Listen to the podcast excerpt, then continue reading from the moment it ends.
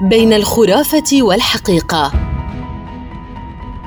خرافات يخالها الناس حقيقة.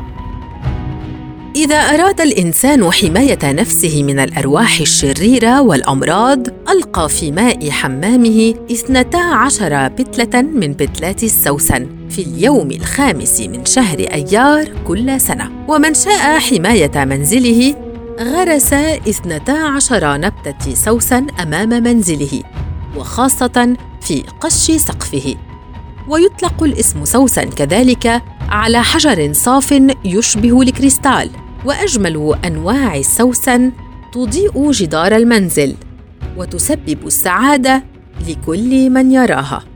سوني هذا الحجر الموجود في جزيرة ساوندرز يحمي الفتيات اللواتي يحملنه باعتباره تميمة وهو يمنح الرجال قوة التخيل الضرورية لفهم المشكلات الأكثر تعقيدا.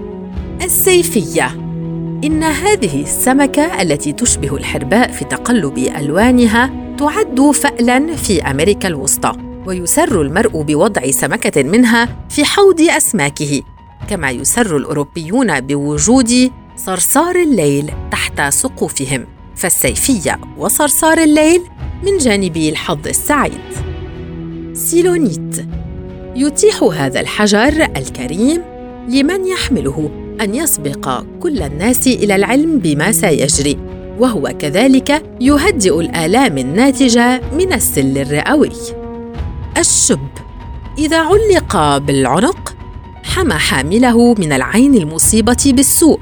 وإذا ذر على الجدار الرئيسي في البيت أو خيط في بطانة ألبسة الأطفال أبعد عنهم الأرواح الشريرة. الشبابة.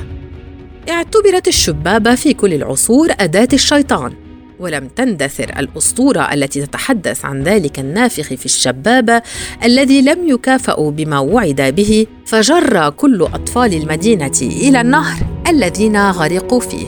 وإذا أيقظ صوت الشبابة احدا لم تكن يقظته تلك إشارة إلى يوم سعيد مقبل.